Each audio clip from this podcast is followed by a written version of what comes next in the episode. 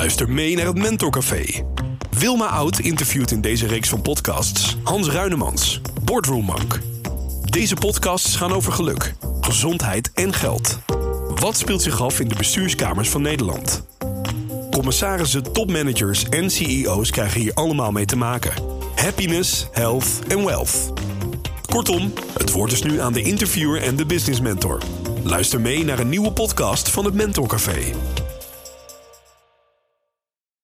Hoi luisteraar, hoe was jouw dag vandaag? Heb jij gedaan wat je wilde doen? Of is jouw to-do-list ook doorgeschoven naar morgen? Als dat laatste het geval is, dan kunnen we elkaar een box geven. Ook bij mij is het vandaag eh, niet helemaal gelukt. Datzelfde geldt voor mijn huishouden. En ik zeg dit seksenneutraal. Het vasthouden aan de dagelijkse structuur is natuurlijk een, best wel een lastige taak. En laat staan het bewaken van de controle over het leven zelf. Hoe doen andere mensen dat eigenlijk? Hoe kun je leven zonder of met minimale structuur in het leven? En kun je er, kun je er ook te veel aan vasthouden? Vragen, vragen. Wanneer wordt structuur een dwang? Deze vraag stel ik in onze 28e podcast aan Hans Ruinemans, Boardroom Monk. Het is lente, luisteraar, maar het zijn rare tijden. Over chaos gesproken. Hans. Ja, Wilma. De ongestructureerdheid van het bestaan. Mooi. Nou, dat ken ik natuurlijk zelf ook. Ons leven wordt bepaald door, en dat zeg ik een beetje met een taalkundig knipoogje, paradoxale tegenstrijdigheden. Jee, moeilijke woorden hoor. Ja, ik kan ook zeggen, we zijn, eh, wij mensen dus, we zijn een chaotisch geheel van tegenstrijdigheden. Het leven zelf is een ongestructureerd zooitje. Het leven zelf is. Een ongestructureerd zooitje. Als we doorpraten, komen we er straks vanzelf op terug. Voor nu zou ik zeggen, neem het maar even van me aan. Van binnen voelen we dat heel goed aan. En wat we de hele tijd proberen te doen, een leven lang, dat is structuur aanbrengen in die chaos. En doen we dat allemaal? Ja, dat denk ik wel. De ene mens is, doet het misschien wat meer dan de andere. En een, uh, een uitzondering niet. En die leidt dan volgens mij een redelijk lastig leven. En voor anderen wordt dat inderdaad een dwang, zoals jou bij je inleiding aangaf. Creëert een dwangmatige structuur ook een relatief lastig leven? Uh, op de duur wel, kan ik je zeggen. Want het leven is een chaos. En met te veel structuur beheers je die chaos niet. En dat denken mensen wel, maar daar kom ik straks op terug als je het goed vindt. Ja, uh, dat vind ik goed. Oké, okay, nou goed.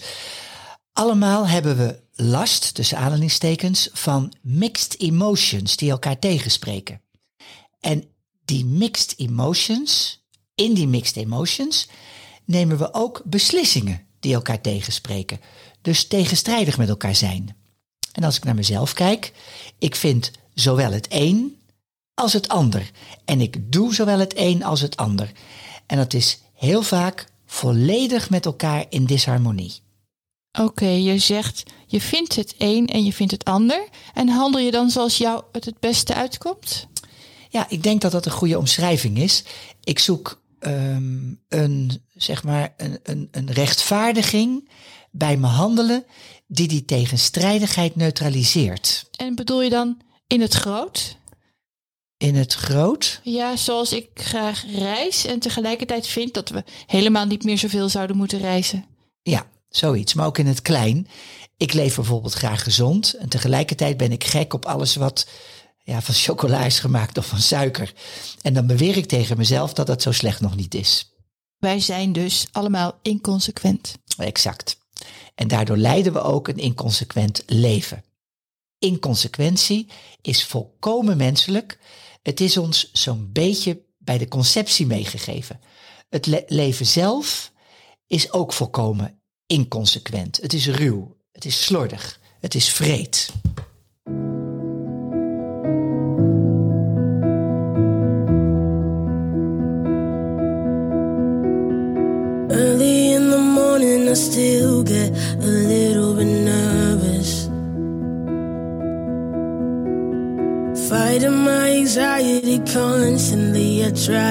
Control it. Even when I know it's been forever, I can still feel the spin. Urge when I remember, and I never wanna feel it again. Zoe Wies was dit. Ik weet niet of ik het goed uitspreek. Ik kende haar niet en het is een Duitse zinger-songwriter. En het nummer heet Control. Ja, control past wel mooi hè, bij dit Ja. thema. Kijk, eh, wat het paradox, paradoxaal maakt, dat is eh, dat het in onze menselijke natuur zit om orde te willen scheppen in de chaos en om recht te maken wat krom is. En om eh, logica te herkennen. Om logica te herkennen. Ik zou eerder zeggen om, om de logica te willen zien in die chaos. Om de boel naar onze hand te zetten. En om het allemaal nog, nog lastiger te maken, we willen orde in ons leven brengen. Maar als we eenmaal die orde hebben, dan verzetten we ons tegen die orde, tegen die structuur. Dan vinden we het opeens allemaal weer veel te rigide. Ja, en hierin herken ik het alledaagse. Ja, ja in de praktijk, denk ik, kom jij ook die tweestrijd voortdurend tegen. Ja, zeker. De meeste mensen herkennen het ook wel volgens mij. Je begint de dag met een strak plan en al heel snel voelt dat strakke plan beklemmend. En dat kan al om half elf in de ochtend zijn. En wat doen we dan? Dan gooien we de structuur overboord. We laten onze voornemens, onze planning zeg maar los en geven het uur dat voor ons ligt een free flow, een vrije vorm. En dan moet je denken aan, we beantwoorden wat e-mails, switchen naar de laatste WhatsApp-berichtjes, we zoeken eens wat op. En tegen een uur of twaalf staat die ongestructureerdheid ons opeens weer tegen. En pakken we de structuur weer terug. Ja, het is net of je nu mijn werkwijze beschrijft. Grappig. Ja.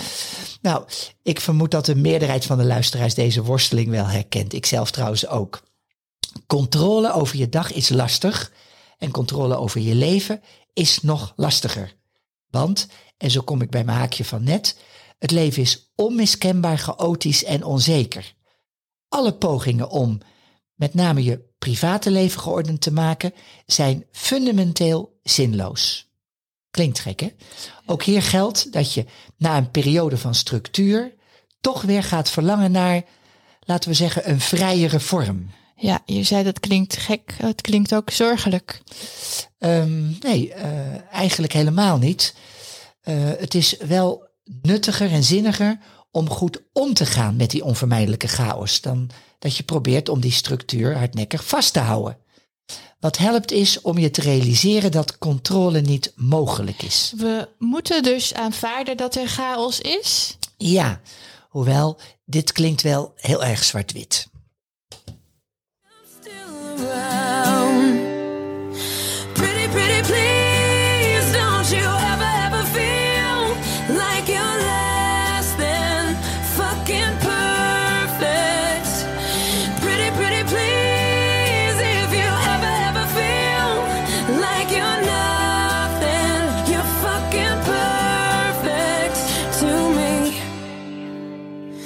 So mean.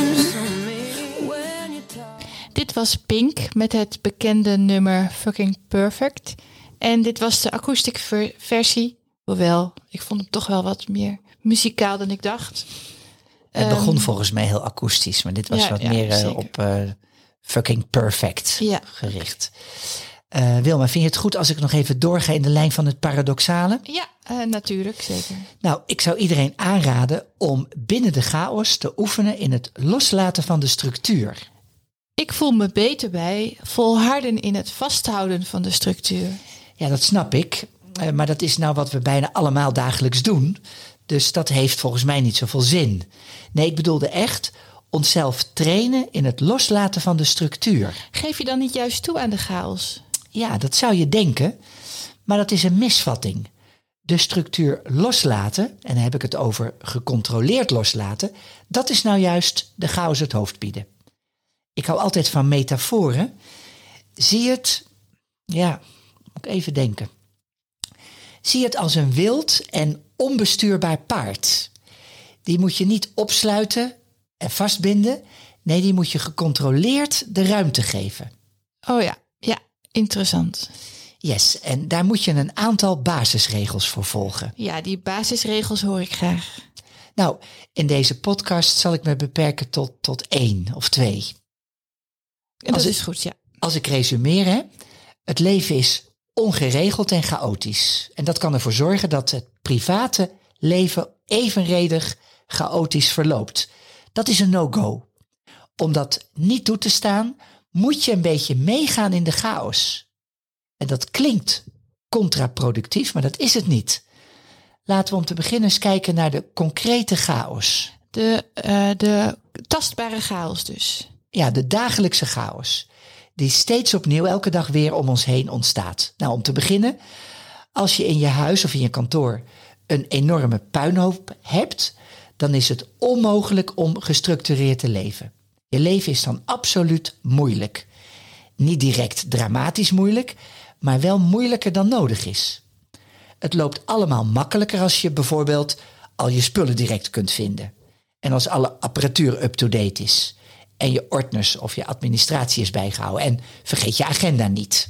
Het is lastig om gefocust te zijn in een rommelige omgeving. Ja, maar ja, nou, rommeligheid is natuurlijk ook weer niet zo erg. Het is ook niet objectief te meten. Kijk, wat voor jou rommel is, is voor mij misschien een vertrouwde entourage. Ik ken twee kantoren van twee verschillende advocaten met overal, inclusief de grond, stapels documenten. Echt soms een meter hoog. En we kennen allebei een makelaar. Nou, clean desk policy is een woord dat hij jaren geleden vergeten is. Ik moet er wel eerlijkheidshalve bij zeggen dat ik zelf weinig moeite heb in een onrustig ogende omgeving. Nou, laat ik niet te veel afdwalen. Wat natuurlijk wel waar is, is dat er veel tijd en energie wegcijpelt als je omgeving gewoon niet op orde is. Want het bestaan zelf is al zo ongeorganiseerd. De challenge is om aan te tonen in hoeverre wij in staat zijn rust en orde te creëren in die chaos. Wij geven onze omgeving zelf vorm, tegelijkertijd vormt de omgeving ons. Betekent dat eh, dat we moeten streven naar een opgeruimd leven, zodat we een opgeruimde geest hebben? Mhm. Ik zou er nog een stap verder in willen gaan. Gebrek aan structuur creëert een gebrek aan betrouwbaarheid. Wanneer ons leven verloopt in chaos, kan er nauwelijks vertrouwen zijn. En je weet hoe dat gaat met vertrouwen. Ja, het komt te voet en het gaat te paard. Eh, nee, ik bedoel iets anders. Wat ik bedoel is dat eh, het vertrouwen dat je hebt gelijk is aan het vertrouwen dat je ontvangt. Niet alleen in de mensen om je heen, maar ook in het leven zelf. Oef, dat is een mooie. Ik ontmoette eens een op zichzelf aardige vent die met mij een soort maatschap wilde vormen. Ik weet niet meer precies eh, hoe het ging, het is alweer jaren geleden. Maar toen ik hem opzocht, toen bleek ik kantoor te houden in een enorme puinhoop. Kasten open, rotzooi op de vloer, prullenbakken vol met, met rotzooi ernaast. En de bloody limit, voor mij was de tafel waaraan wij die bespreking hielden. Die bleek aan één kant een kapotte poot te hebben, waardoor ik niet eens mijn pen neer kon leggen zonder dat hij wegrolde. Nou, dan haak ik af. Je trekt conclusies uit een wankele tafel. Ja, dat klinkt misschien gek, maar toch. Het is niet mogelijk dat iemand met een instabiele werktafel, eh, dat die solide werk aflevert. Je werktafel is uiteindelijk ook de basis van je werk. Zoals je met een scheve liniaal geen rechte lijn kunt trekken. Je snapt me, exact. Ik weet dan ook vrij zeker dat ik niet de enige ben die die wankele basis voelt. De hele omgeving is er zich van bewust, bedoel je dat? Ja, en de persoon zelf ook. En soms op een onbewust niveau. Het tast het zelfvertrouwen aan en dat is niet best. Ik heb deze man hier later uitgebreid over gesproken. En hij gaf dat toen toe. En hij heeft zijn leven omgegooid. Maar daar zal ik het in deze podcast niet verder over hebben. Nou, een basisregel is de volgende. Het is belangrijk om te beseffen dat gestructure- gestructureerd leven dat dat een proces is, geen resultaat. Of eigenlijk zou ik willen zeggen geen bestemming. En je zei zojuist dat eh, wij mensen de structuur ook graag weer loslaten. Ja, ja, zeker. We willen structuur in de chaos, Maar we verlangen ook naar de vrije vorm. Zowel op microniveau hebben we dat in het dagelijks bestaan, als op macroniveau. Ik wil ook graag meer weten over de weerstand tegen de structuur. Ja, interessant hè. Ehm, hoe groter je je verzet tegen de chaos, hoe sterker de weerstand wordt tegen de structuur. Ja. Die weerstand kan ook intern zijn. En dan zou het kunnen zijn dat het omslaat naar stress en frustratie. Want mensen verlangen even goed naar de vrije vorm. En vroeg, op vroeg of laat wordt dat verlangen zo groot dat het niet meer te vermijden is. Het is echt het allerbeste om de chaos te aanvaarden. Ik zou bijna zeggen te omarmen en mee te bewegen met de chaos. Dat is beter dan te blijven volharden in de structuur en om daarna te moeten vechten tegen de weerstand. Nu is het natuurlijk ook zo dat ieder mens een eigen behoefte heeft aan een structuur binnen de chaos. Zeker. Ik weet bijvoorbeeld van jou dat jij grote behoefte hebt aan structuur. En jij weet van mij dat ik zelf een voorstander ben van een wat lossere vorm. Een vraag aan jou, Wilma. Hoe voelt het nou voor jou om de structuur los te laten? Eh, ja, dat vind ik heel lastig. En de drang naar een vrije vorm slaat bij mij eigenlijk betrekkelijk laat toe. Wat bedoel je? Ehm, ja, ik, ik eh, hecht grote waarde aan structuur, omdat ik dan het gevoel heb dat ik weet eh, wat er komen gaat. Maar laten we het vooral niet te veel over mij hebben. Dat wil je niet, hè? Nee. Ik denk dat heel veel luisteraars dat, dat best wel interessant vinden. Dus ik laat je niet zo makkelijk los. Wel een voorbeeld, hè? Ja.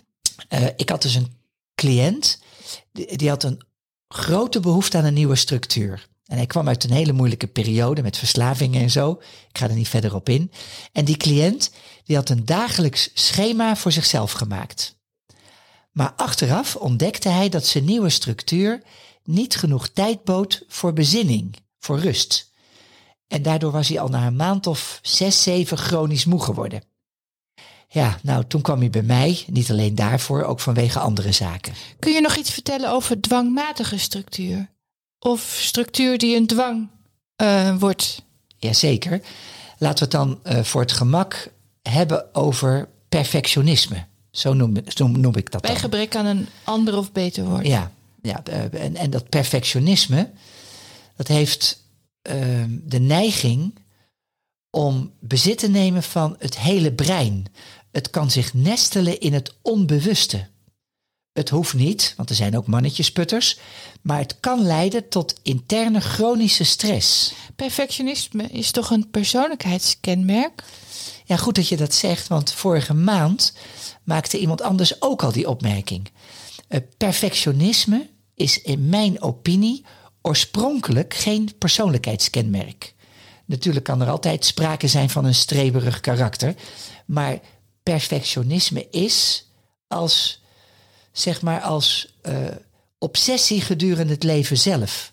Soms is het een ervaring, een klein trauma, of een patroon uit de kindertijd, een boodschap die is meegegeven. En wat nu als je in jezelf de dwangmatige behoefte aan structuur herkent, ofwel het perfectionisme? Hoe moet je daarmee omgaan? Wat moet je doen om dat het hoofd te bieden? Als je dat in jezelf herkent. Ja, Nou, laat ik het zo zeggen. Ehm, structuur wordt een dwang als er een interne stress of frustratie ontstaat. En naar mijn mening is het zo dat je eh, met het volhouden aan structuur exact het tegenovergestelde bereikt. Namelijk dat het leven nog minder stuurbaar is. Als mens doe je er echt veel beter aan om mee te bewegen met de chaos van het leven. En om de structuur, het zoeken naar een vorm van structuur, niet te, resul- niet te zien. Ik wou zeggen resultatief, maar niet te zien als resultaat, maar als een proces. Eh, het zoeken naar een vorm van structuur is niet een resultaat, maar het is een proces eh, dat misschien wel een leven lang duurt. Ja, En dat is zo omdat het leven zelf. omdat het leven zelf al zo'n chaotisch zooitje is. Ja, ik moet hier nog even goed over nadenken en ik zie het als een persoonlijke opdracht. Hans, ik ga daar naar leven en dank je wel daarvoor. doe in ieder geval mijn best om dat te doen. En luisteraar, jou bedank ik ook. Het is super dat je erbij was. En je kunt je abonneren op het Mentor Café. Laat gerust een review achter. Dan worden we beter gevonden in Google. Tot de volgende keer. Tot de volgende podcast.